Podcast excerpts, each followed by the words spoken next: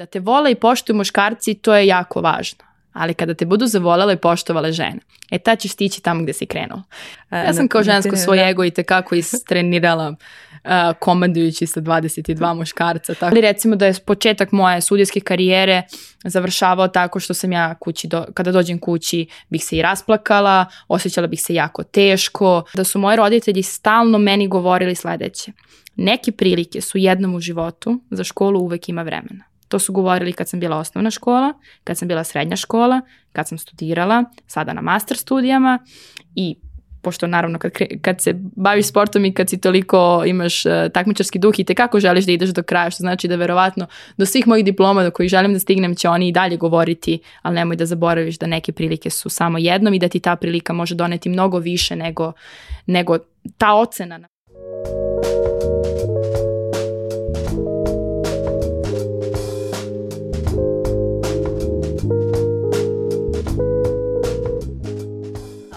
Ružu ste već verovatno upoznali kao devojčurka koja voli futbal više nego većina muškaraca.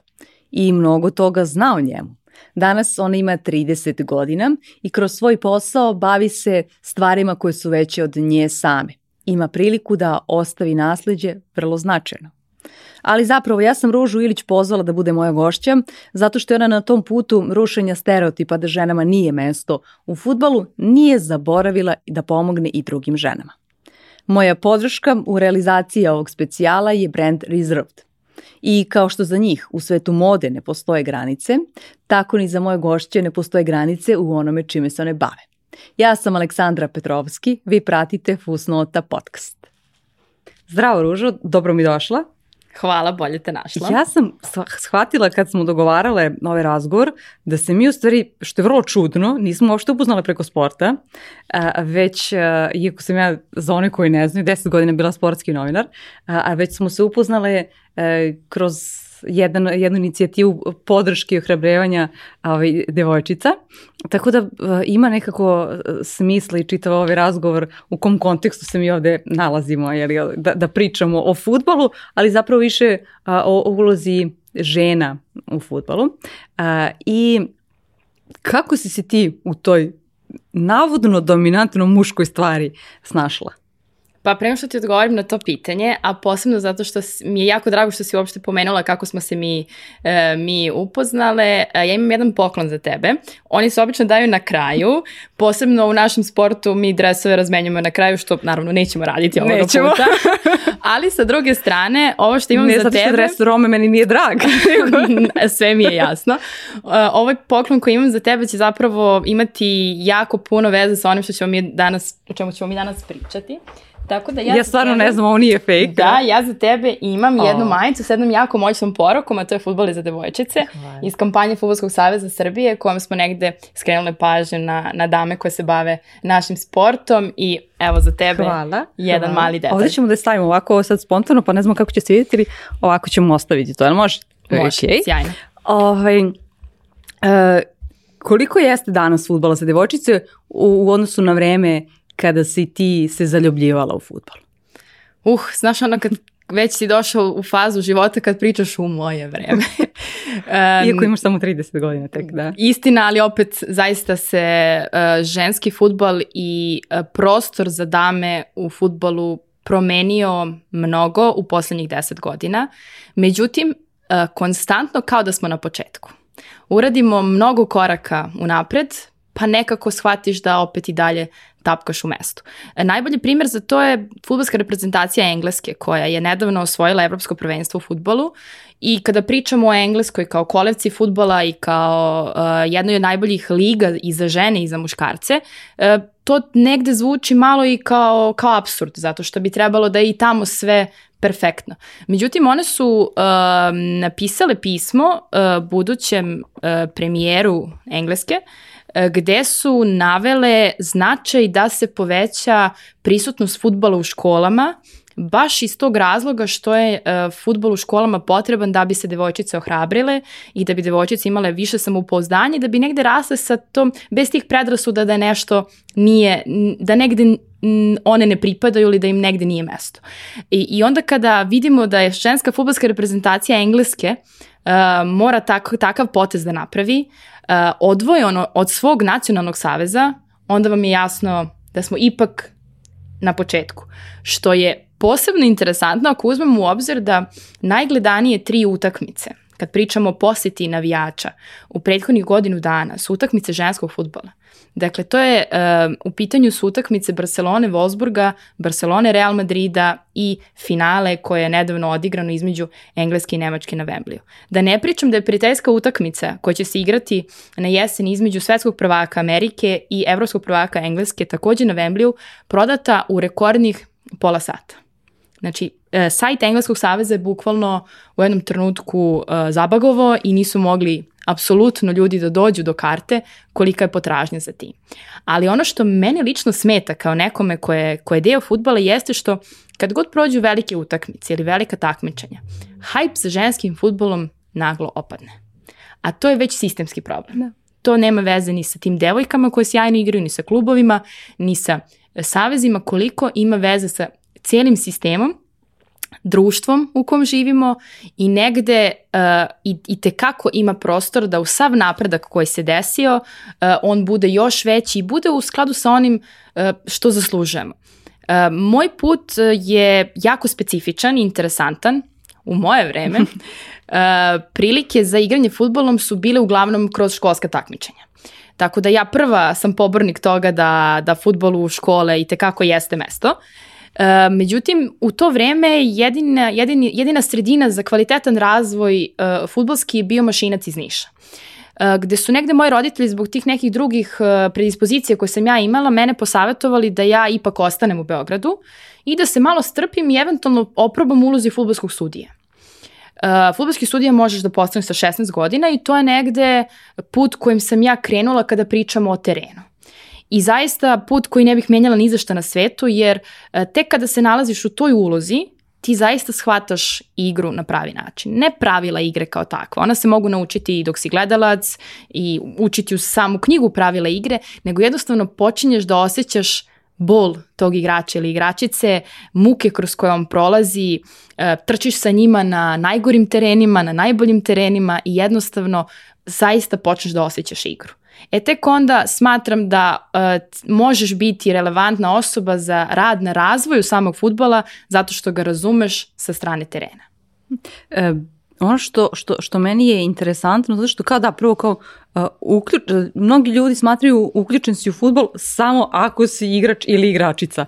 A uh, ti zapravo uh, dosta radiš na onako pro, proširivanju a, svega toga i kao, ha, mi smo deo futbala, između ostalog, ti si došla a, do toga kao futbalski sudija, a pričat ćemo kasnije o tvojim drugim različitim a, ulogama u svetu futbala, možda čak i značajnijim a, nego, nego što je a, ta, a, ali kako si ti zapravo došla do toga da, da proširiš svoja, ovaj, svoje učešće zapravo u futbalu?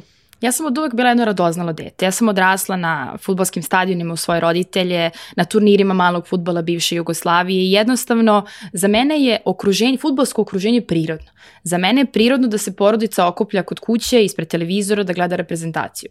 Za mene je prirodno bilo da mi idemo da gledamo reprezentaciju kada reprezentacija igra ne samo u našem gradu, nego negde gde je to moguće, moguće otići. Moj tata je 98. bio na svetskom prvenstvu da podrži našu reprezentaciju. Ja sam tada imala samo samo šest godina i negde e, prosto gledajući, posmatrajući e, radost mojih roditelja kroz futbal i ja sam se saživela sa tim sportom na taj način.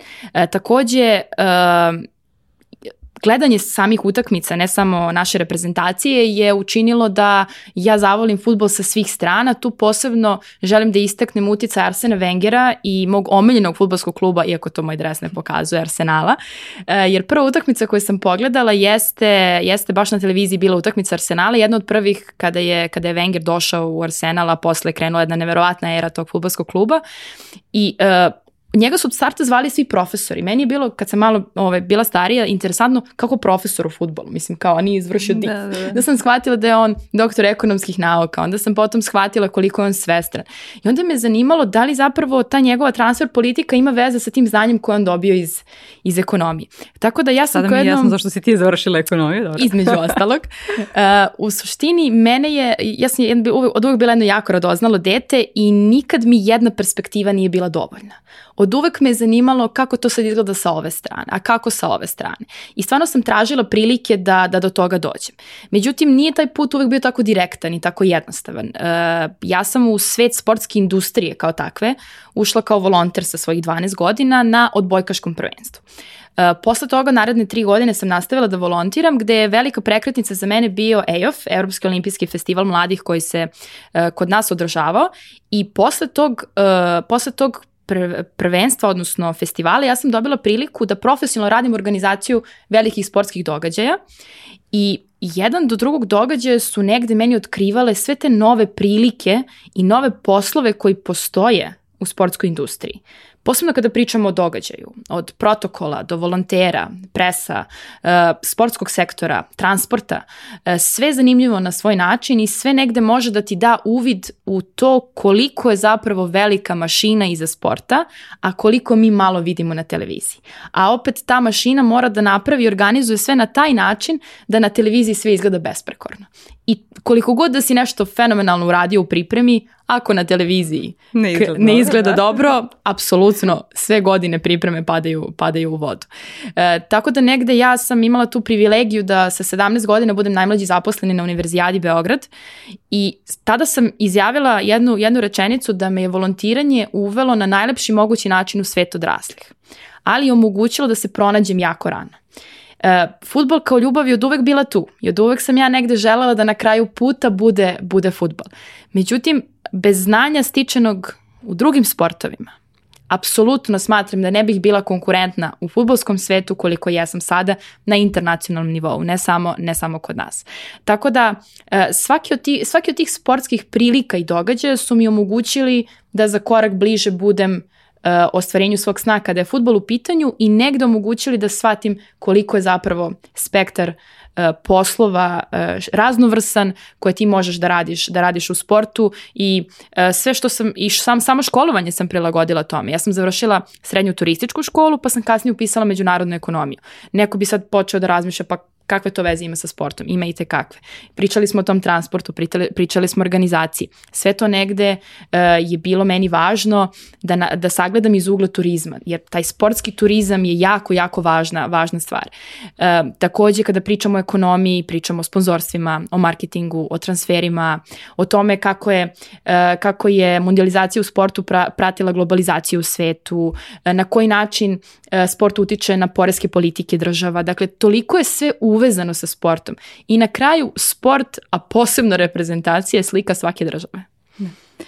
Hajde da, da tu priču o ekonomiji ostavimo za malo kasnije. Uh, ono što mene sada zanima je koliko si se ti u tim, e, dok si bila još osnovna škola i, i srednja škola, e, koliko si se suočavala sa, sa time kao, ma gde ćeš ti to i tako dalje. Ja i dan danas pamtim, iako ima tome, boga mi, 25 godina, kad mi jedan rođak rekao na moje pitanje šta ćeš ti da, odnosno na njegovo pitanje šta ćeš ti da budeš kad porasteš, kad sam ja rekla sportski novinar, i on me rekao, jeste, tebe će muž da dozvoli da ideš od stadiona do stadiona. Epilog toga je bilo da, da mi godinama nismo razgovarali uh, i da to je, ja i to dan danas tako pamtim, a, ali kako si ti, ti si vjerojatno ovaj, nekada čula slične rečenice, bez obzira što jesi od tvojih roditelja uh, dobijala podršku uh, da se baviš futbalom na prvo mesto? Pa, ajde da krenemo od samog volontiranja. Kada kažeš nekom da volontiraš na sportskom takmičenju, te, radiš za džabe. To je uvek primarni komentar koji ti dobiješ. A ta vrednost koju ti volontiranje da, to apsolutno ne može ni jedna škola da ti pruži. I onda kada, ali kada ti shvatiš da ti dolaziš u situaciju da 17-18 godina tvoj CV jedva možeš da staviš na dve strane, onda shvatiš da i tekako to nije bilo za džabe. E, tako da mene manje više zbog te podrške koje sam imala kod kuće, komentari iz sredine nisu previše doticali, ali nije bilo lako. Zaista nije bilo lako. Kad pričamo o futbolu posebno, mislim samo suđenje je činilo da kad god se ja pojavim na terenu, budu komentari, idi kuvaj ručak, e, šta ćeš ti ovde, e, da Ba, da si manekinka i tako vjerojatno slično. Naravno, da. raznorazne, raznorazne, ne mogu da nađem momka, pa jel te sudim futbol da bih da. našla momka, pošto sam toliko ugrožena. Toliko je bilo takvih, takvih komentara da, da je to bilo neverovatno, ali meni je sve to negde budilo dodatni motiv da ja budem dobra u, to, u svom poslu, da ja e, negde e, pokažem da ženi kako jeste mesto tu i negde sam se trudila da moji rezultati govore za mene, a ne to koliko imam godina, kog sam pola ili koliko imam, koliko imam znanja iza sebe. Šta ti se čini, pošto uh, ja sam u sportsku redakciju ušla kad sam imala nekih 15 godina otprilike i sada tu treba da uh, Eh, s jedne strane eh, dokažeš da ti kao osoba od mlada od 15 godina ili i ti koju godinu manje eh, u jednom trenutku da si dovoljno zreo za taj, zrela za taj zadatak koji treba da ostvariš a s druge strane to, e, između ostalog, ajde da stavimo po tu kapu da nisi došla tu da se udaš. A, ovaj, I šta ti od ta dva bilo teže? Ovaj, da, da, da, da kažem da ljudima pokažeš da nije tako baš. Pa najte... ili, ili gde je bilo više, na kojoj strani je bilo više onako pod, po, pogleda e, začuđujućih e, i slično, koji, pa, koji ja... nisu odobravajući e, ja volim da kažem zaista da je to bila, bila jedna, jedan period mog života iz kopačke u štikli, iz štikli u kopačke, koji je onako bio jako interesantan, ali ja sam negde od uvek, od uvek sebe gledala kao nekoga ko može biti ono što zovemo role model, dakle mhm. da budem uzor i da budem pokretač uh, E, svih tih nekih devojčica koje mene potencijalno u tom trenutku gledaju. Tako da nisam, nisam e, nije me toliko pogađalo e, sa tog aspekta da poljulja moje izbore, ali jeste onako m, u to doba mo, m, diralo moje ego odakle vama pravo da vi mene komentarišete i kritikujete bez da vi znate ili za, kako odakle vama pravo da vi mislite da sam ja jedna od tih pošto znamo na koji način se žene povezuju sa futbolom i futbalerima Eh, što je takođe jedna, jedan vid predrasuda da. koji i, i sa moje strane, ali ja ne bežim od toga da priznam da je to tako zato što sam ipak bila mlada.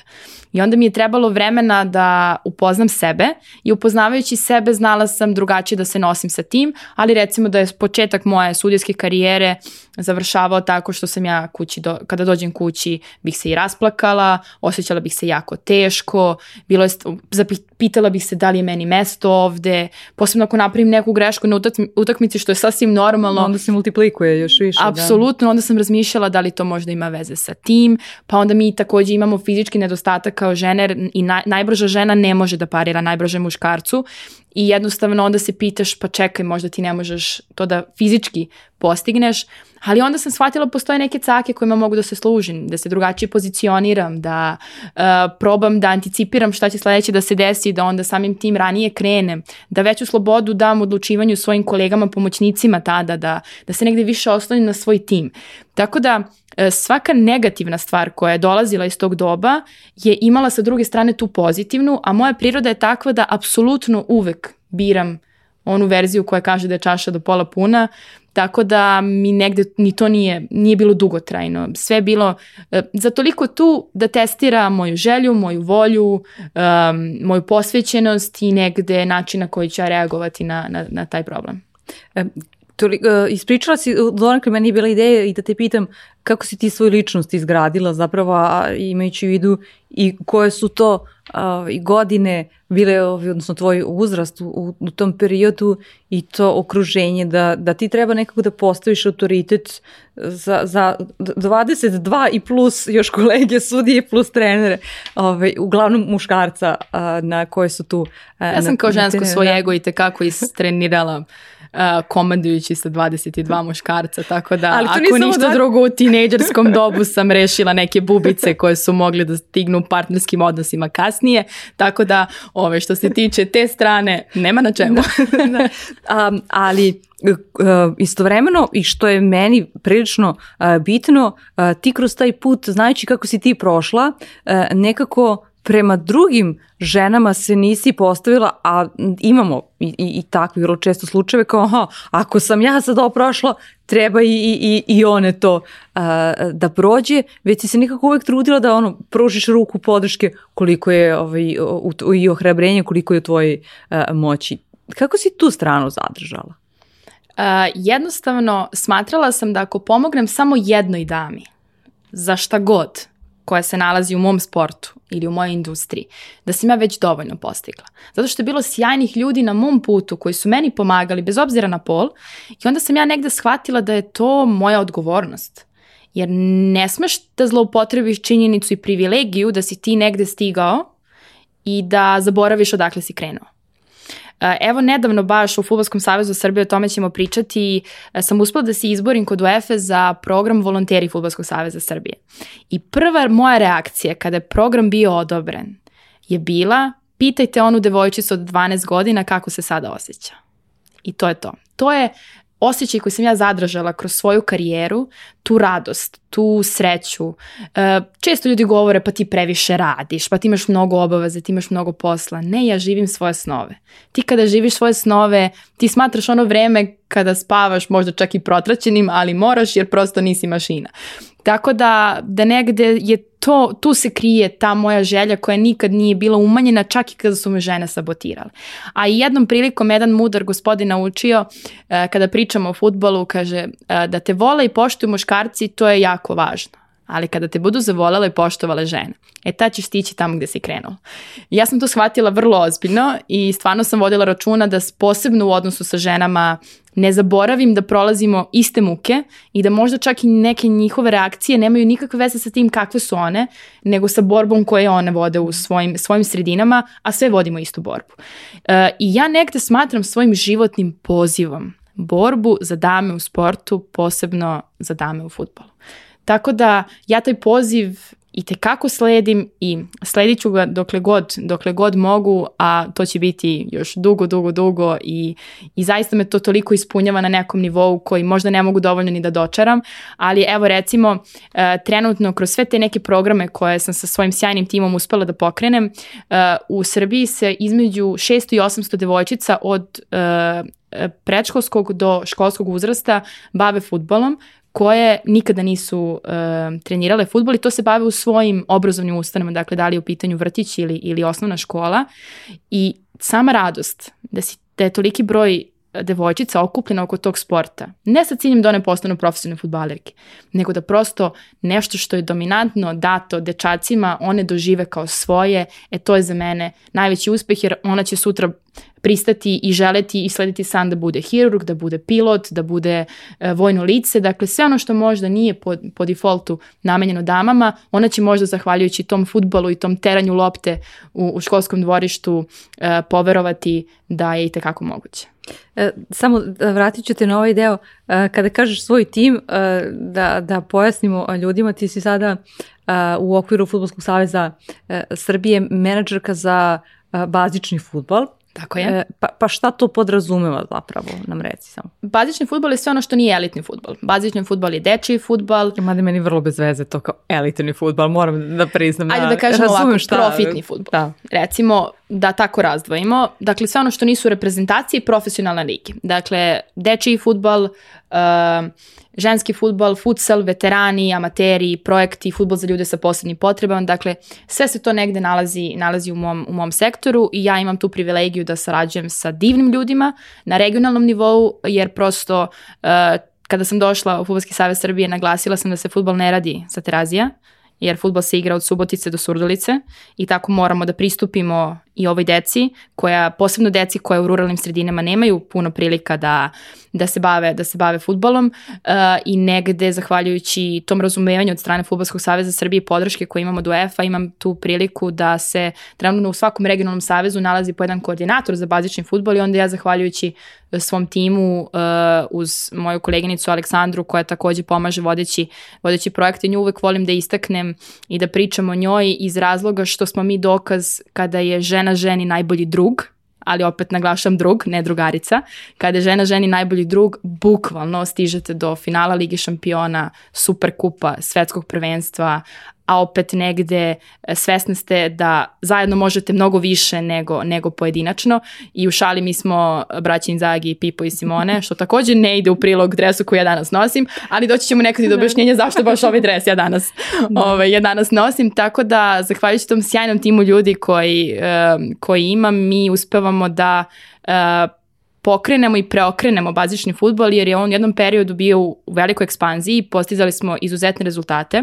Onda je naišao period stagnacije, naravno dosta i ustad pandemije koju, koja je bila i sad smo mi negde dobili tu, tu odgovornost da sve ponovo pokrenemo i preokrenemo, a svesni smo da je sport u školama trenutno možda u najgorem istorijskom položaju koji je bio i zato je bio cilj vratiti futbal u, u škole, ali smo mi to negde spustili na nivo ispod, a to je vrtiće i negde učinili da ti futbal bude uh, način da ti sprovodiš ono što se zove školica sporta i da pomažeš e, deci u razvoju koordinacije uh, i njihovi fizičke sposobnosti, ne samo da se bave futbolom sa namerom da jel te bude profesionalni, uh, ali opet tim time daješ priliku izbora, a i na kraju ovo je kompetitivno tržište, svi se borimo u svom sportu za, za decu, pa da.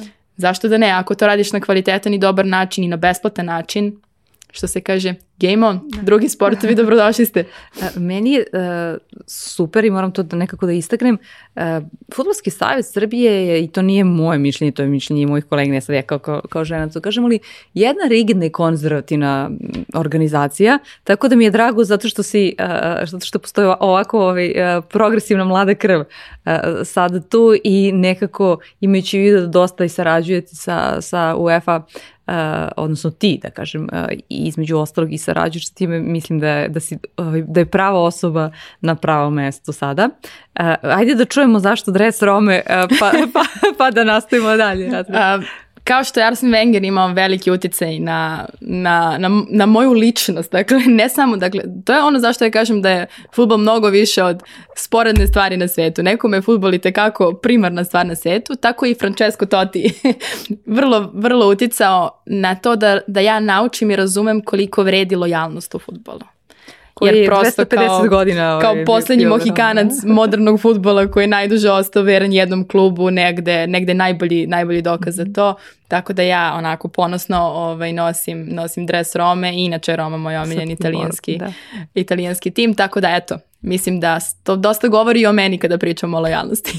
e, ima jedna epizoda iz tog života koja je trajala nekoliko, nekoliko godina otprilike uh, i ja bih volila da je spomenemo jer si negde uh, i u prethodnom delu razgovora rekla to da, da ti voliš da, da budiš na, na sve strane uh, i u periodu kada si ti bila srednjošolka koliko si zapravo ovaj, tada imala šešira pored toga da, da ideš u srednju školu i bila si u jednom momentu čak i među najperspektivnim uh, sudijama, mladim sudijama dakle, Evropi. Dakle, tako dalje. bila sam jedna od najmlađih sudija, u, futbolskih sudija u Evropi. U tom trenutku uh, bila sam, uh, radila sam, profesionalno sam se bavila organizacijom sportskih događaja kod nas i u inostranstvu, jer negde kad kreneš da radiš uh, takmičenje, kad te upoznaju međunarodne institucije, oni krenu da te zovu, zovu kod sebe.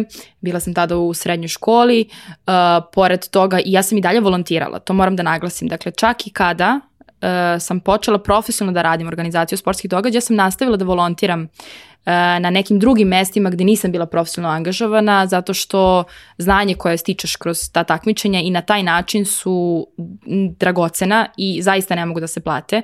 I ja i danas volim da kažem da, koliko, da iako imam preko 60 takmičenja organizovanih u svojoj karijeri, ja i dalje svakom takmičenju pristupam kao da, je, kao da nemam nikakvo iskustvo jer svaki put kada pomisliš da nešto znaš, da si nešto uh, da si nešto, e, da si sve predvideo, sve moguće scenarije, apsolutno uvek se desi nešto što nisi predvideo i zato ja sebi ne dozvoljavam taj luksus da pomislim da sve znam ili da sam sve naučila, e, tako da sam u tom periodu volontirala, a recimo to sam naučila od direktora BM, PNB e, Paribas banke iz Luksemburga. E, volontirali smo zajedno na EOF-u e, u Finskoj, u Tampereu i sećam se, bili smo soba do sobe u studentskom domu I ja ga ovako pitala čime se vi bavite i on kaže meni, a kao ja sam direktor banke. Ja kao, ha, važi. I onda je on bio kao, da, ja sam direktor banke. I ja kao, ja se izvinjam, šta ćete vi ovde U istoj uniformi koju nosim i ja. Koja i, u istom smeštaju. u istom smeštaju u kom se nalazim i ja. Da bi on meni objasnio sledeće. E, BNP Paribas banka investira u tenis. I on se prijavio da e, u tom trenutku volontira na teniskom takmičenju u okviru EOF-a. Da bi on razumeo gde ide novac koji se investira u tenis.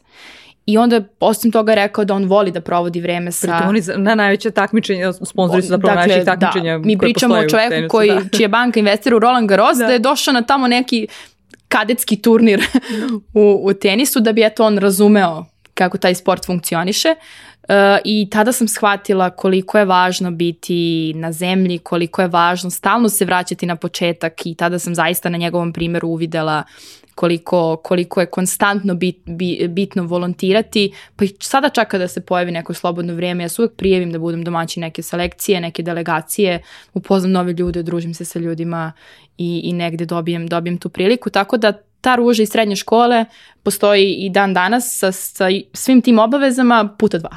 Oh, ove, ovaj, ali da, um, i kada bi ti rekli onako kao, ti si, tebi bi aplaudirali, jer većina ljudi kažu bravo, ružo, carice, kako ste se tu uspjeli, tako dalje, ali zapravo je to bilo vrlo turbulentan period uh, i, i nekako verovatno period sa, sazrevanja da, da, ni, da se tu lekciju naučila ovaj, na, na taj način. Ostaneš bez, eh, bez dosta ljudi oko sebe tada a, u periodima kada nema akcije. Kada ima akcije, odjednom si omiljeni u društvu, a kada nema akcije ti si dosadan zato što ne izlaziš u to doba, um, ne boraviš u školskom dvorištu, ne radiš sve te neke stvari koje su tinejdžerima, da tako kažem, uh, jedan sastavni deo života, apsolutno kvalitetan taj, da, kada pričamo o tom socijalnom delu, ali ja sam jednostavno shvatila da je industrija u kojoj se nalazim takva da onog trenutka kada izađeš i napraviš pauzu, zapravo vraćaš se deset koraka unazad. I nisam imala i nisam želela da prosto taj luksus uh, sebi priuštim jer prosto ništa ne bih postigla time.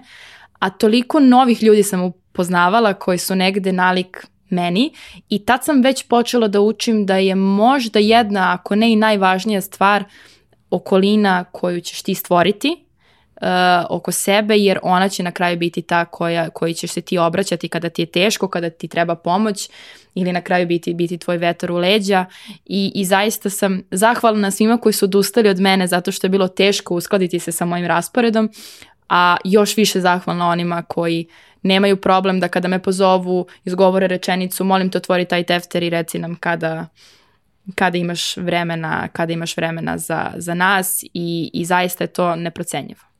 Um, kako si ti tada se, e, ti si u jednom trenutku polagala za futbolskog sudiju i nisi uspela da to, iako ti to bilo u svemu tome najvažnije, e, nisi uspela da prođeš ovaj, taj test i e, kada danas sagledaš, je li ti to donelo, uh, da ispričaš ukratko taj događaj, je li ti to donelo na kraju dana, e, se pitaš danas kao, ha, kao, gde bih ja bila da jesam, ili kao ne, ovo mi je sad savršeno, dobro je, pro, prošla sam kroz težak period, dobro je što je tako bilo. A, to je period uh, nakon, to je bio period nakon što sam ja napravila jednu, jednu kraću pauzu uh, u svojoj sudijskoj karijeri jer sam otišla, bila sam u Rusiji jedan period, živjela sam u Rusiji o čemu ove, ovaj, ćemo takođe pričati i sad po povratku iz Rusije uh, zbog posla koji sam imala tamo moja fizička spremnost nije bila na, na, na visokom nivou i ja nisam mogla iz prve da položim, ja sam položila iz, iz drugog puta ali sam negde uh, shvatila zaista da je vreme da okačim pištaljku o klin iz razloga što uh, sam već dostigla taj neki nivo sa druge strane uh, terena uh, ko, koji bih, bih žrtvovala i koji bi bio mnogo manje kvalitetan da sam ja nastavila da sudim futbol iz razloga što prosto ne možeš fizički da postigneš. A opet karijera futbolskog sudije je nepredvidiva iz razloga što ti možeš da se povrediš kao i sportista. I samim tim šta si onda postigao? Nisi ni tamo, nisi ni ovamo. Na sve to bila sam i fair prema sebi, da kažem ok, dostigla si do nekog svog maksimuma, vreme da staviš, vreme da staviš tačku. Ali recimo da i taj neuspeh i svi neuspesi koje sam ja u svom životu imala na mene utiču na sledeći način. A to je, ja nisam pala, ja sam napala pod. I onda je tako kad se, ovaj, kad završim svoj atak na pod, ja sam, ovaj, ja bih ustala, što se kaže, obrisala prašinu iz te bitke, i rekla ok, idemo sad iz početka do onim stepenicama koji, koji, koje vode gore, ali od početka od, od prve ne preskakajući ni jednu, ni jednu koja se nalazi, nalazi usput. E, tako da ja sam zahvalna svakom neuspehu, jer svaki neuspeh je negde doneo tri puta veći uspeh kada bih ja sagledala u tom trenutku šta taj neuspeh meni zapravo poručuje. I to je mnogo važno. I kada pričamo o sportu i sportskoj industriji i kada pričamo o toj raznovrsnosti poslova, Zašto meni danas najteže da objasnim ljudima čime se bavim, jer kao stani, sedi, da. ili imaš vremena, bobi gafu. Uh, e, iz razloga što uh, svaka nova prilika ti otvara pet drugih prilika. I kad god misliš da si stigao do kraja, taj kraj ti otvori još toliko horizonata da ti prosto ne možeš ni da sagledaš dovoljno koliko, i koliko je prilika, prilika ispred tebe. A sa druge strane, to je uticalo na moje samopoznanje da čak i kada ne ide, čak i kada nema posla, kada nema prilika za mene, ja ne sumnjam u sebe jer znam da i tekako mesta uh, za ljude poput mene koji toliko vole, žele i posvećeni su ovom poslu i tekako ima, tako da uh, negde bih zaista rekla da sve to što se desilo je najbolja stvar koja se meni desila. To što ja nisam stigla na internacionalnu listu kao futbalski sudija, ali sam stigla da radim organizaciju svetskog prvenstva u futbolu ili finale Lige šampiona, koje kao sudija ne bih mogla, jer tek sada smo počeli da, da imamo dame koje, koje sude muška velika prvenstva, um, i kako, i te kako govore da, da su izbori bili pravi. E, da se vratimo, e, sa koliko godina si ti otišla u Rusiju, jer e, ipak si, bila si dosta mlada i, i sad vjerojatno ima taj moment gde ovaj, roditelji kažu gde ćeš dete tamo, ovaj, ne, ne tvoj konkretno, ali e, i, i slično. E, kako izgledala ta Dakle, ja želim da prenesem poruku mojih roditelja koju sam ja dobijala kroz uh, ceo svoj život, zato što možda oni koji, koji, slušaju, koji slušaju ovo i koji imaju dilemu E, u kategoriji škole i prilika, da li da podrže svoje dete ako bi potencijalno možda napravilo i neku pauzu sa školom, da im kažem da su moji roditelji stalno meni govorili sledeće. Neke prilike su jednom u životu, za školu uvek ima vremena. To su govorili kad sam bila osnovna škola, kad sam bila srednja škola, kad sam studirala, sada na master studijama i pošto naravno kad, kad se baviš sportom i kad si toliko imaš uh, takmičarski duh i te kako želiš da ideš do kraja, što znači da verovatno do svih mojih diploma do kojih želim da stignem će oni i dalje govoriti, ali nemoj da zaboraviš da neke prilike su samo jednom i da ti ta prilika može doneti mnogo više nego, nego ta ocena, na primjer, koja se, koja se uh, dešava. Tako da, uh, kada sam ja rekla da sam dobila priliku da se preselim u Rusiju i da postanem deo futbolskog kluba Krasnodar i da uporedo budem na ISEC praksi jer je to bio najlakši način da ja papirološki u tim godinama uh, živim u Rusiji i kada sam ja rekla da bih ja uporedo radila ISEC praksu i radila u futbolskom klubu uh, Krasnodar, Uh, oni su, što se kaže, bili po principu treba pomoći da se spakuješ. Uh, tako da ja nikada, ja uvek idem za prilikama, uvek idem za uh, E, za, za tom nekom akcijom. Možda sada malo više promislim nego ranije u, u smislu sada imam više odgovornosti i više posla koje treba organizovati i reorganizovati, ali to ne znači da se taj segment moje ličnosti koja ide za prilikama promenio. Samo se sada prosto o, ovo čime se ja bavim na dnevnom nivou mora postaviti na noge i da znaš da ti kada nisi tu da će sve da funkcioniše besprekorno ili da ti možeš da pratiš tamo gde se nalaziš, tako da, da negde odlazak eh, u tom nekom periodu, to je bila moja druga godina fakulteta, uh, E, druga ili treća, ne mogu već više ni da se hm. setim.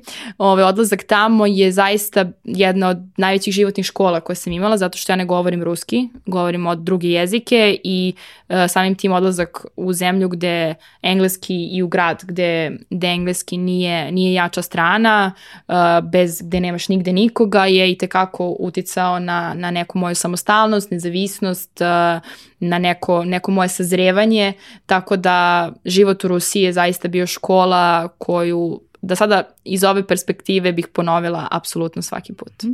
E, da li si ti tada e, kao aha, vrlo sebi uročila imajući video da si imala i Isaac praksu kao oročila to i kao rekla e, ostavim tamo samo toliko i, i vraćam se bez uh, opcije da, da ću, da ono kao, nisam kupila kartu samo uh, u jednom smeru. E, i, ili si ipak ostavila kao opciju, je li te to nekako držalo e, kao ha, ja sam sada tu, hoću da pokupim najbolje moguće što mogu iz ovog trenutka, ali kao znam da se vraćam. Ja sam od uvek znala da je da ja mogu mnogo više od toga. I e, međutim ono što takođe sam naučila kroz, e, kroz svoju karijeru jeste da mnogo više je kada sa onim što je manje ti postigneš puno, nego da ti ideš na veću priliku koja će ti u tom trenutku uh, pod, po nekom defaultu dati sve to više o čemu ti maštaš. Šta to znači? Ja sam u tom trenutku radila u klubu koji je bio u nekoj, nekom začetku, nekoj ekspanziji. Novi stadion se tek, uh, tek gradio, još uvek se igralo na stadionu uh, Kubanja koji je lokalni, koji je lokalni klub i sad neko bi pomislio da je da je to veće za mene, na primer CSKA, Spartak Moskva, Zenit i slično. Međutim, za mene je mnogo veći izazov bio napraviti nešto sa futbolskim klubom Krasnodar, nego sad otići tamo gde su sistemi već perfektni i gde manje više ti si samo jedan od šrafova i ne možeš ti da toliko da. puno da promeniš i ne možeš ti toliko puno da vidiš koje su tvoje mogućnosti. Možeš, ali to ide mnogo sporije kada e, su sistemi Kako Kakva tvoja uloga bila kada si dobila priliku da... Ja sam radila da... organizaciju mm -hmm. utakmica Lige Evrope koja je tada, koja je tada Krasnodar, Krasnodar igrao, e, tako da sam ja manje više radila organizaciju e, takmičenja, odnosno utakmica. Međutim, najveći izazov je bio dovesti publiku, jer kao što sam rekla, Kuban je grad Krasno, je klub grada Krasnodara i sad kada ti imaš još jedan klub koji nije, recimo da uporedimo United City i sad uh, u tom nekom ranijem, ranijem periodu uh, United je taj koji ima tradiciju, kulturu, koji ima neku mnogo veću prepoznatljivost van istoriju van, da. da tako kažem a City je negde počeo posebno zbog tih investicija da bude posmatran kao da tako kažem instant klub koji sad ulazi u neku drugu priču ali dušu United nikada nije izgubio i nikada je neće izgubiti. E takva je priča i sa Kubanjom i Krasnodarom, bez obzira da li Krasnodar igrao top ligu, a Kubanj ne. I jako je bio veliki izazov dovesti ljude, posebno ljude koji su onako vrlo konzervativni, jer moram da priznam živeti u Krasnodaru u te godine, 2014. za mene je bilo kao da sam došla 10 godina unazad u odnosu na Srbiju. Pa mada, pa mada grad izgleda ovaj, fenomenalno. ludilo. Da. Tako je, da. ali ja sam se mada. tamo osjećala kao u SSR-u, iako ga nisam doživala lično. Prema uh, načinu na koji tako je, Tako da. je. I tu je jako bilo, mislim, sama činjenica kad bih se nekom predstavila i rekla da radim u futbolskom klubu u Krasnodar, tamo je još veća predrasuda bila nego kada bih rekla ovde da radim, da radim u futbolu. I dobro se sećam da mi je tada palo na pamet da zapravo tu konzervativu iskoristim u, u svoju korist i način na koji sam uradila jeste dogovorila sam tada sa uh, Vojnom akademijom čija je baza bila u Krasnodaru da napunimo stadion kadetima. I zapravo vi ste mogli 90 minuta da vidite na televiziji na utakmici protiv Evertona dve pune tribine uh, momaka i devojaka u uniformama kako skaču i pevaju pesmu Krasnodara, grada Krasnodara jer kluba nisu nisu znali jer im je to neko naredio. Tako da sam ja iskoristila tu konzervativno disciplinovanu Rusiju da ja dobijem Sorry. disciplinovane da. navijače i da to pošalje jednu jako lepu sliku e, jako lepu sliku u Evropu da ne, bude, da ne bude da nema ko da nas gleda. A mi igramo protiv, na primjer, jednog Evertona. E, tako da, e, zaista mi je, a, a da, da sam radila, na primjer, u Zenitu ili u CSKA, ti bi imao pun stadion pa bi imao pun stadion. Tako ne da, bi imala mnogo posla što Da, ne bih imala mnogo posla. Ovako sam videla da ja mogu i vojsku da spojim sa, sa futbolom na jedan potpuno neverovatan način, a da, a da toga nisam ni svesna. Ali e, sama ta konzervativa tog rada je potvrdila moju želju da to bude oročeno. A onda sa druge strane Sjetimo se onog poverenja koje ti roditelji daju i kažu prilike su jednom u životu, m, m, a, mogu biti jednom u životu, a škola uvek može da se završi. Ja sam ipak vodila računa da se vratim zbog te iste škole. Jer a, e, ne želiš da dođeš u situaciju da te sutra neko podcenjuje samo zato što si taj segment zapostavio. Jer a, e, veliki sistemi, e, zapad, funkcionišu kad pričamo o sportskoj industriji tako da ako hoće da te eliminišu, oni traže tu jednu stvar koju ti nemaš u tom trenutku, jer im je prosto tako lakše. Nema veze što si ti sjajan, nema veze što si ti neko koga bi oni možda platili po svaku cenu. Ali sa druge strane, ako im ne odgovaraš jer se pojavi neko ko je možda samo za 10% slabiji od tebe, njima se to više isplati i onda će oni da traže mane koje ti imaš da bi oni tebe eliminisali. I onda sam ja rekla, neće to moći kod mene. Šta to znači? UEFA i FIFA imaju slu, pet službenih jezika. Dakle, engleski, francuski, španski, nemački i ruski. Ja govorim tri od pet. Jer sa tri od pet ne možeš da kažeš da ne pokrivam većinu onoga što su tvoji zvanični jezici. Dakle, ne možeš da me eliminišeš zbog toga. Imam fakultetsku diplomu. Ne možeš da me eliminišeš ni zbog toga. E, nastavila sam da se školujem, ne možeš da me eliminišeš ni zbog toga. Tako da ja sam bukvalno u svakom trenutku razmišljala o svojoj karijeri, o koraku napred šta će ti ovaj sledeći potez doneti u odnosu na ono gde ti želiš da stigneš. I sad, Ruža tada je maštala o toj UEFA-i i želela da ode u tako jedan veliki sistem. Onda sam počela da radim sa tom UEFA-om. I Onda sam shvatila da ako bih otišla u UEFA-u, to je kao da si otišla u korporaciju. I da ti tu postaješ, osim ako nisi naravno otišla na neko mesto gde ti donosiš odluke. I onda sam shvatila, hej, pa ti mnogo veću razliku u onome što ti želiš možeš da napraviš radići u Futbolskom savezu Srbije nego u UEFA-i. Iz razloga što super je kada ti radiš u jednom, eh, jednoj instituciji koja ima budžete da svaku ideju sprovede jednostavno. Ali ajde sprovedi je sa ograničenim sredstvima. Neko će reći da ja mazohista, da ja sve hoću težim putem. Ne, nego ako razmišljaš na taj način, kada dođeš u tu idealnu poziciju, tvoji rezultati su deset puta veći a ti si se već pokazao i dokazao da ti to možeš da radiš u jako ograničenim uslovima. Tako da je negdje to bila moja perspektiva, to me je ograničilo i nisam se pokajala što sam se vratila. Ako ništa drugo, ja sam radila u periodu kada je Europska unija uvala embargo Rusiji, tako da moja zarada u rubljama i nije bila nešto velika kad sam je ja konvertovala u internacionalne valute da je vratim kući, onda sam na kraju sebe tešila, pa ajde nisi ni nešto pretarano zaradila. nema, nema neke Mislim razlike da... u odnosu na Srbiju. e, ove, ovaj, ali si stekla veliko ove, ovaj, iskustvo. Apsolutno, da, da. apsolutno. E, kako, e, kako sad, e, ok, ti imaš neku, neki onako plan, master plan i tako dalje, e, ali koliko ti sad onako na dnevnom nivou kada su neki trenuci uh, a verovatno da, bez obzira što si ti ispričala jedan ovako, sada, sad iz ove perspektive zanimljiv uh, detalj iz svog boravka uh, u Rusiji, verovatno da ni tada, ni, ni kasnije s godinama nije sve uh, ovaj, idealno. Uh, I kako tada uh, ohrabruješ Ružu kad sedneš da se popričaš sa sobom? Bukvalno na taj način. Ružo, viši ciljevi. Ružo, viši ciljevi. Nema veze, viši ciljevi. Bukvalno ja samu sebe podsjećam nekada E, Zašto zapisano negde? Kako, mm, no, imam zapisano, funkcija? imam zapisano, imam nešto što se zove kutija želja. I to je nešto što, što me toliko bodri, toliko ispunjava da je to neverovatno. Imam Kako kutiju, e, kutija želja funkcioniše na sledeći način. Na primjer, ja danas dođem kući i uh, poželim nešto u tom trenutku, ali poželim toliko jako da želim da zapišem na papirić. Ja zapišem na papirić i ubacim u tu kutiju želja. Ali odredim sebi period kada, uh, kada želim te, tu kutiju da otvorim. Recimo prvi presek te kutije želja za mene bilo uh, diplomiranje na fakultetu. Znači dok ne diplomiraš na fakultetu ne možeš da otvaraš kutiju želja. I sad nju sam počela da radim recimo pred kraj srednje škole. A koje su red veličine te želje? Eh, eh, baš sam došla do, htela da dođem i do toga. Dakle, tu imam level želja do želim da stignu koferi sa mnom u Rusiju, do, uh, do levela želja da, na primer, želim da se zaljubim, srećno da se zaljubim, do momenta želim psa. Um, dakle, od banalnih želja do onako velikih životnih, mm-hmm. životnih želja. I ja se dobro sećam i te brojke nikada neću, neću zaboraviti. Uh, ja sam, dakle, godinama punila tu kutiju sa željama i došlo je vreme kada sam ja diplomirala i kada sam ja željela da vidim kako to, kako sam ja prošla.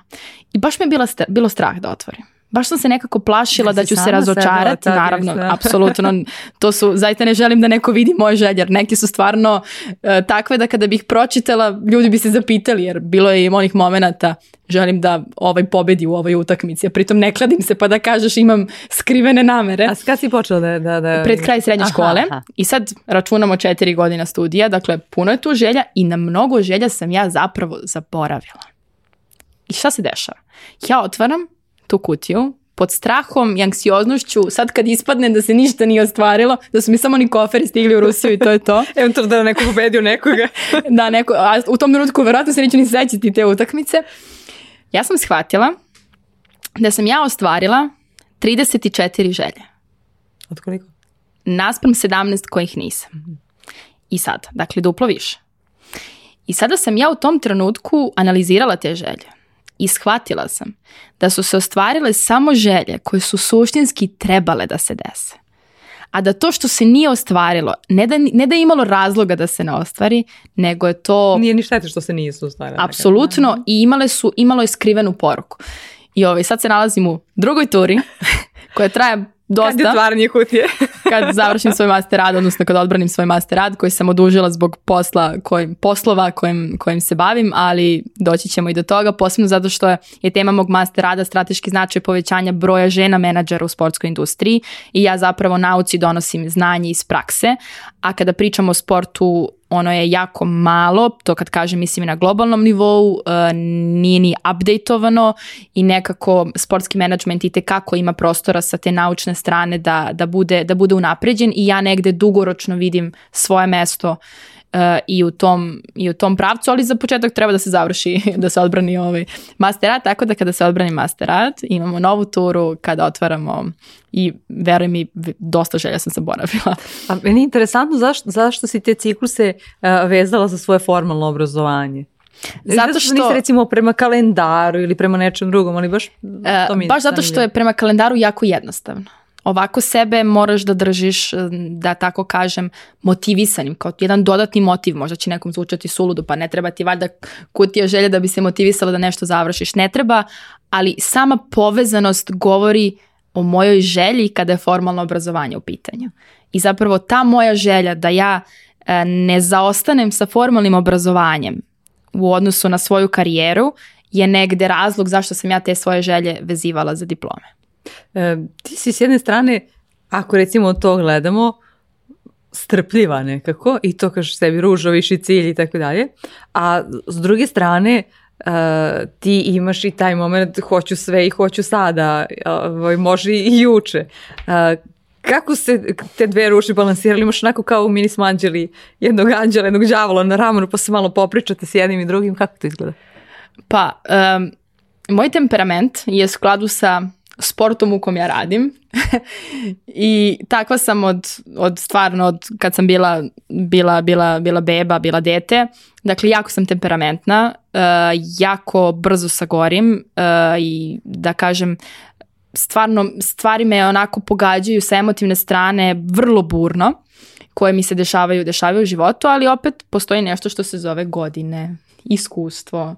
I onda ti vremenom naučiš da taj svoj temperament kanališeš i da ga koristiš kao svoju prednost, a ne kao manu. Da te ne stopira, nego da ti bude dodatna, dodatni vetar, vetar u leđa. Tako da ja, zahvaljujući tom temperamentu i toj ruži koja hoće sve sad i odmah, sam izuzetno produktivna, hiperproduktivna, a sa druge strane, ruža koja je svesna da za nešto postoji viši ciljevi, samo sebi daje priliku da ti rokovi koje se postave ne budu uh, opterećujući, nego da znam da ako se nije desilo ovog meseca iz razloga što pratim i sledim te više ciljeve, a desi se za šest meseci da je to sasvim u redu. Jer nešto će se umeđu vremenu desiti zbog čega je bilo, je, zbog čega je vredilo to tako, tome tako pristupiti. Tako da mogu da se zahvalim godinama, mogu da se zahvalim iskustvu, mogu da se zahvalim svim greškama do kojih me moj temperament takav kakav je doveo i negde mogu da se zahvalim sjajnim ljudima od kojih sam ja učila u, u svojoj karijeri, tako da um, negde, uh, neretko volim da kažem, u meni su dve. A, a kad dobiješ neki poziv ili neko te tako kontaktira, sad bilo da je nešto privatno ili u vezi sa poslom, jer ima nekad i u privatnom životu tih neodoljivih poziva, neko što hoću sada, hoću sve. Um, kako se to reagiš? Ono kažeš, aha, kao krenite taj moment da izustiš da, a, ali znaš da je tefter pun, kako reaguješ?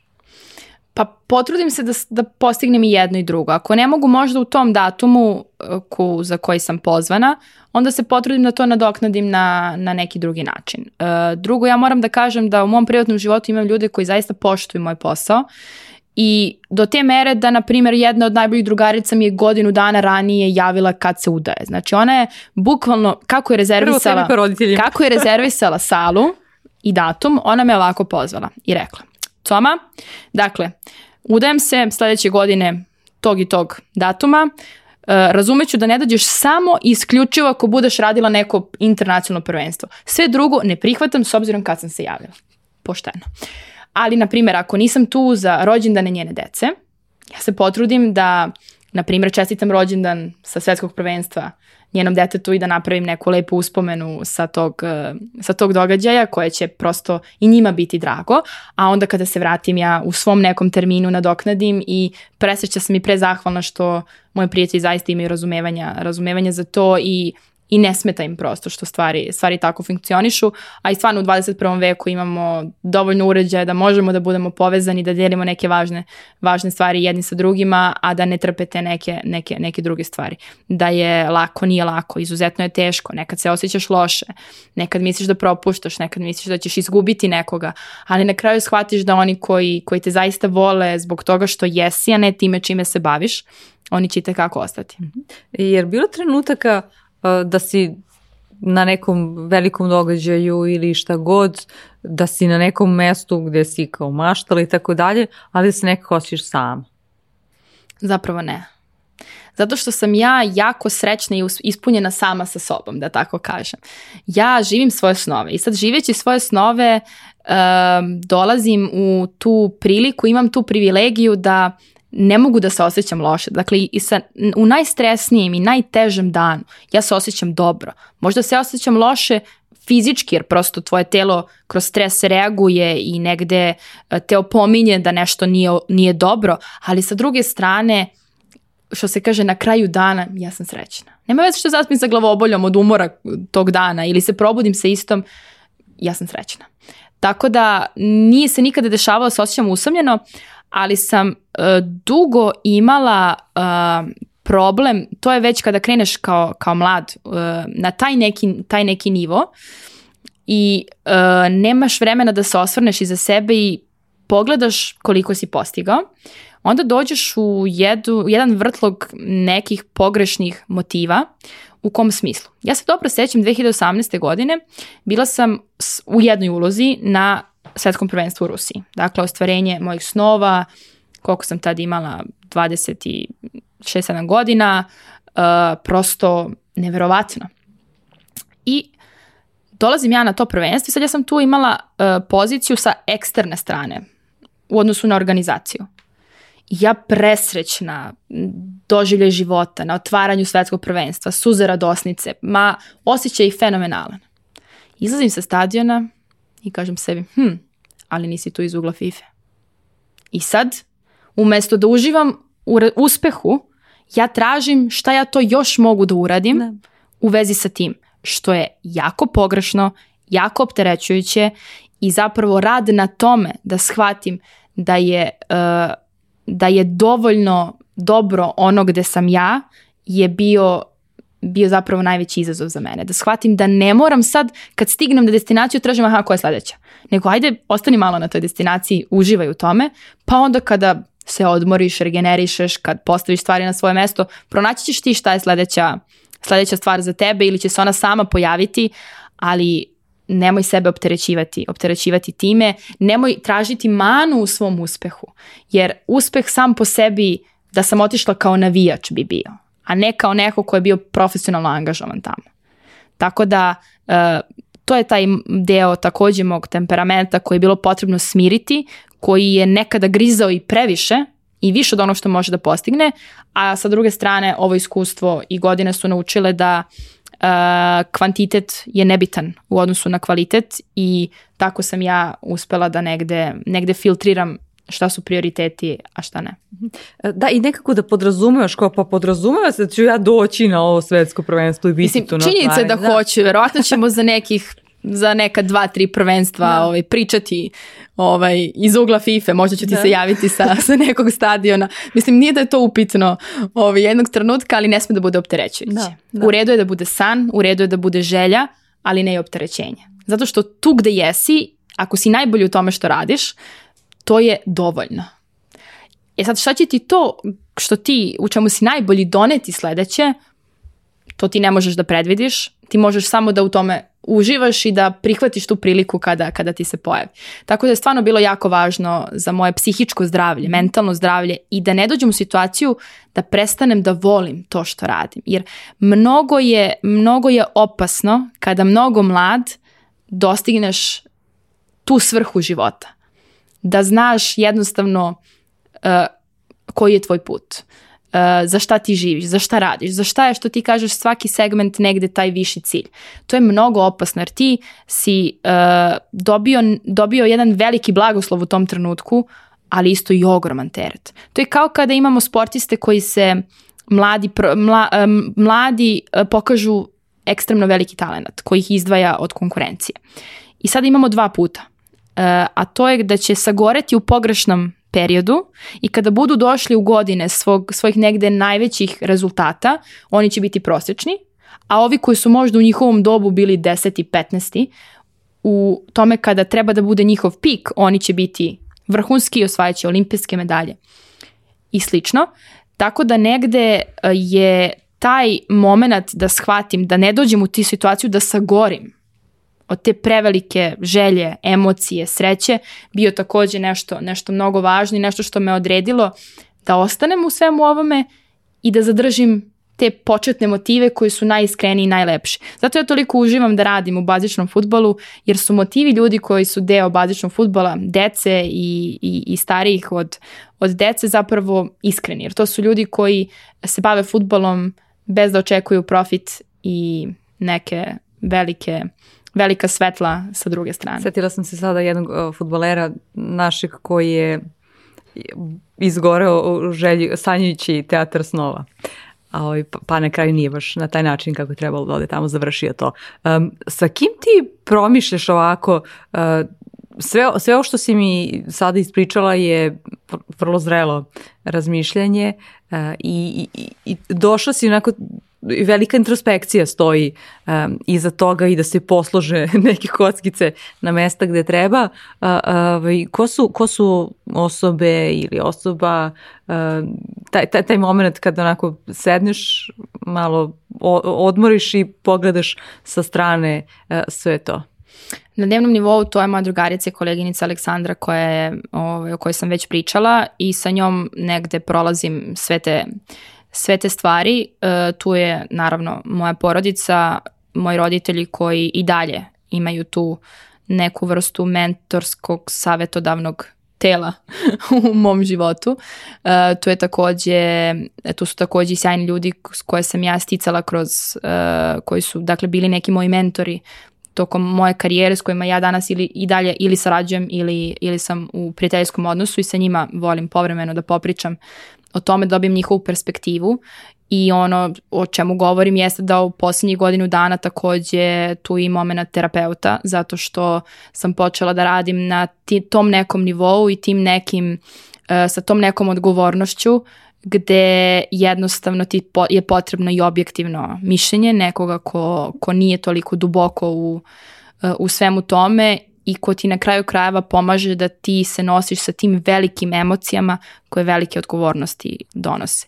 I to je zapravo jedna od najboljih investicija koju sam napravila u svom životu i uh, nešto što o čemu vrlo rado pričam, jer od kada je moje mentalno zdravlje na mestu, pod ekstremnim stresom pod kojim se ja nalazim, moje fizičko zdravlje odgovara na to takođe i tekako pozitivno. Jer bez toga smatram da bi posljedice bile takve da bi mene moje telo i moje zdravlje sabotiralo u pravcu onoga što ja zapravo želim da postignem i što radim trenutno na dnevnom nivou. Uh, e, jer si došla do toga, uh, e, dra hvala ti što si podelila, da kažem, uh, i, i, i to. ovde mislim da je vrlo važno pričati o mentalnom zdravlju. E, otvoreno govoriti o tome e, bez da je to neki, ne znam, tako bauk i slično. Da li si ti e, sama došla do toga, ej, kao ja treba u svoj, u svoj život da uvedem i, i psihoterapeuta. Jedno su roditelji, prijatelji i slično, a drugo je neko koje je stručno lice. Tako je. Ovaj, u tome, a, da li ti neki događaj okinuo ili šta je bilo inicijalno to zašto si Prvo, se obratila? Prvo znanje, znanje na tu temu ja takođe vučem iz svoje kuće. Uh, Kada sam ja u nekom tineđerskom dobu u osnovnoj školi imala jedan problem koji u tom trenutku zbog te neke blokade koja se stvorila nisam mogla da da rešim sama, a moji roditelji nisu znali šta da rade sa mnom, mene je moja mama odvela kod psihologa u tom nekom periodu, to je šesti, sedmi razred. I onda sam ja na primeru videla da ti kada imaš problem, obratiš se za pomoć i da nije sramota ni najmanje obratiti se stručnom licu iz te sfere za pomoć. Tako da negde sam ja tu lekciju dobila od kuće, pa mi to nikad nije bilo strano, niti mi je, bilo, niti mi je bio bauk. I dugo vremena, pos, posebno poslednjih godina, sam ja osetila da je trenutak za to. Međutim, kako živimo jako brzim, brzim tempom i, i negde previše obaveza, odgovornosti, mnogo putovanja ja zapravo takođe imam u, u svom poslu, nikako to nije dolazilo na red. I onda se prošle godine dogodila jedna jedan veliki okidač u, u mom privatnom životu koji je učinio da ja sutradan pozovem broj koji sam imala i koji sam želela već neko vreme uh, iz razloga što sam znala da ako sada to ne uradim, sve ovo što toliko volim i sve ovo gde sam stigla može biti kompromitovano. A to nisam želela da dozvolim bukvalno ni jedan posto da se desi. Druga stvar koju sam uradila u tom trenutku takođe razmislila sam šta je ono što si od uvek želela da probaš ili uradiš, a nisi imala vremena, a sada, iako isto nemaš verovatno vremena, Moraš treba da, da uradiš. Krenula sam na časove salse. I to kod mog kolege Marka, kad kažem kolege, futbolskog sudije, mm -hmm. tako da futbolsko suđenje mi donalo i sjajnih, sjajne kontakte, ovaj, tako sam završila da u mojoj salsa familiji, koja mi je donela neki izvor radosti, energije i pozitive, i uporedu sa psihoterapijom učinila da ja na samo mesec dana od tog događaja budem svoja.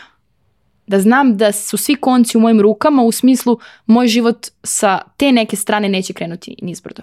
Nisam ja u tom trenutku i dalje, i dalje sam bila i vrlo i osjetljiva da.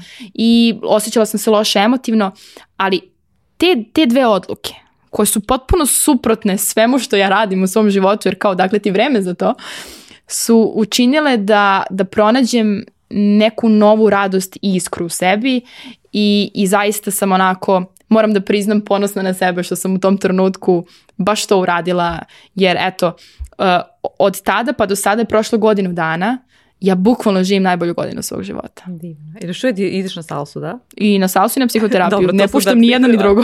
da, uh, vrlo, vrlo je bitno da, da na taj način, uh, jer istraživanje mnogo, ti si, ti si vjerojatno neki od njih i, i, i dospela E, da pročitaš, jer istraživanje pokazuju da čak i položaj naših tijela mnogo toga govori o tome kako se mi osjećamo, odnosno da s druge strane načinom na koji čak i imamo držanje, e, ovaj, možemo da, da popravimo. Ja zaista verujem u onu super pozu. I ja i tekako pre velikih prezentacija, govora, sastanaka i tekako uh, e, imam moment kada pokažem da što se kaže, je moj plašt spreman da ja poletim tu gde sam krenula. Da. To si radila, ovaj, znaš, uvek me je zanimalo, ali mislim da, da sam i tu čitala, kao kako se futbolski sudije to, kao taj moment isto pred izlazak na terni i tako dalje, koji je, znači, taj neki okidač koji je važan ovaj, zapravo u tom Zamišljala sam kataklizmu na terenu, crvene kartone, tuču, penale, gol koji sam poništila nisam smela. Ja sam uvijek tako, a ti nemaš varu na tom nivou. Ovaj, ja sam uvijek zamišljala neku kataklizmu i onda kada prođe stres te kataklizme pre utakmice. Ti si stvari tu preživela zapravo unutar sebe, da? apsolutno. apsolutno. Ja sve inače preživljam lično. kad gledam film, ja se unesem do te mere da, da otprilike ja sam jedan od tih, zato ne gledam horor filmove ili sanjam posle noću kao da ih ja proživljavam, tako da izbegavam ovaj, gledanje horor filmova, ali ja filmove doživljavam zaista lično.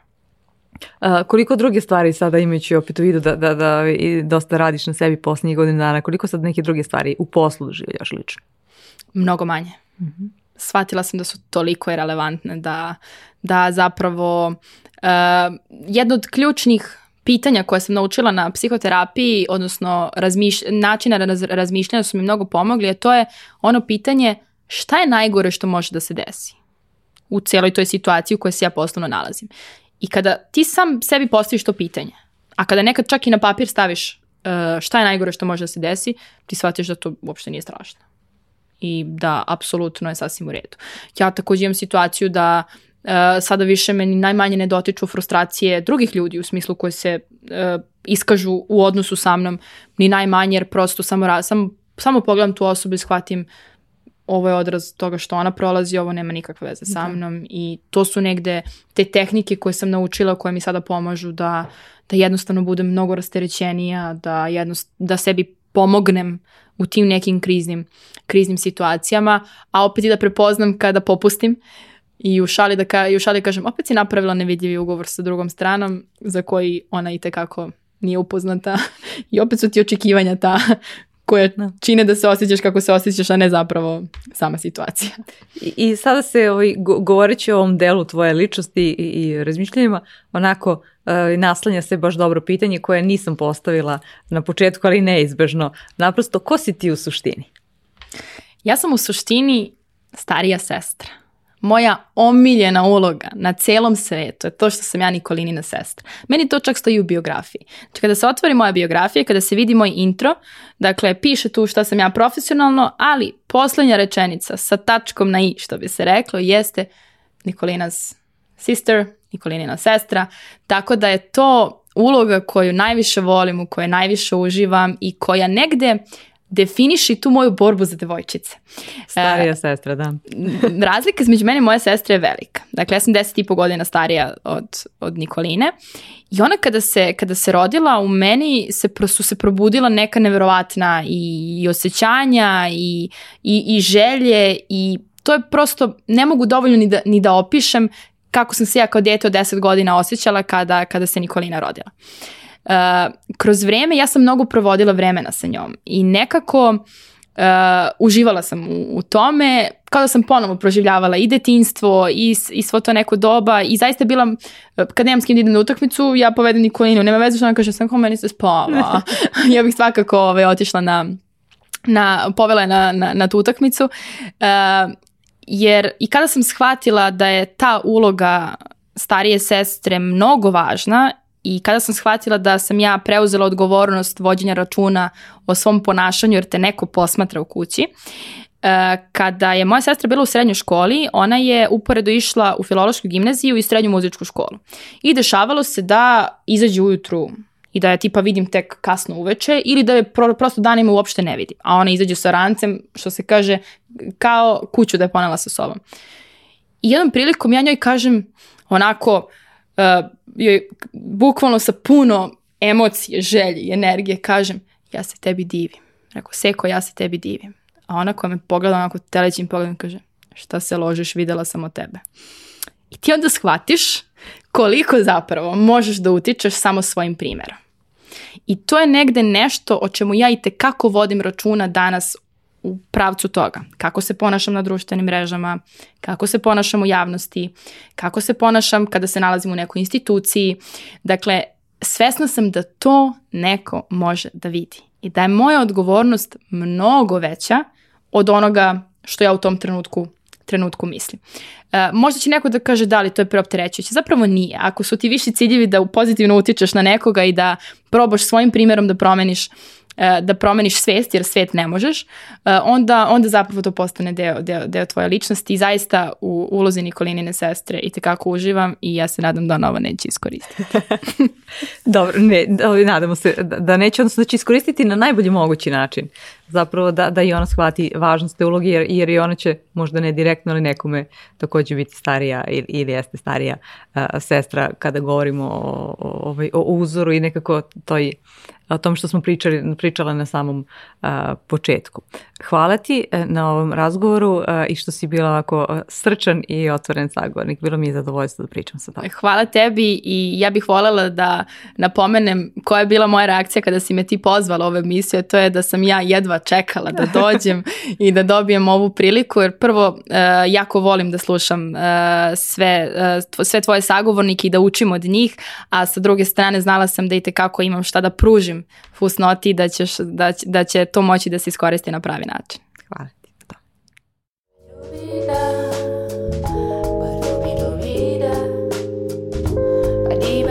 Da, da, da, da, da, da,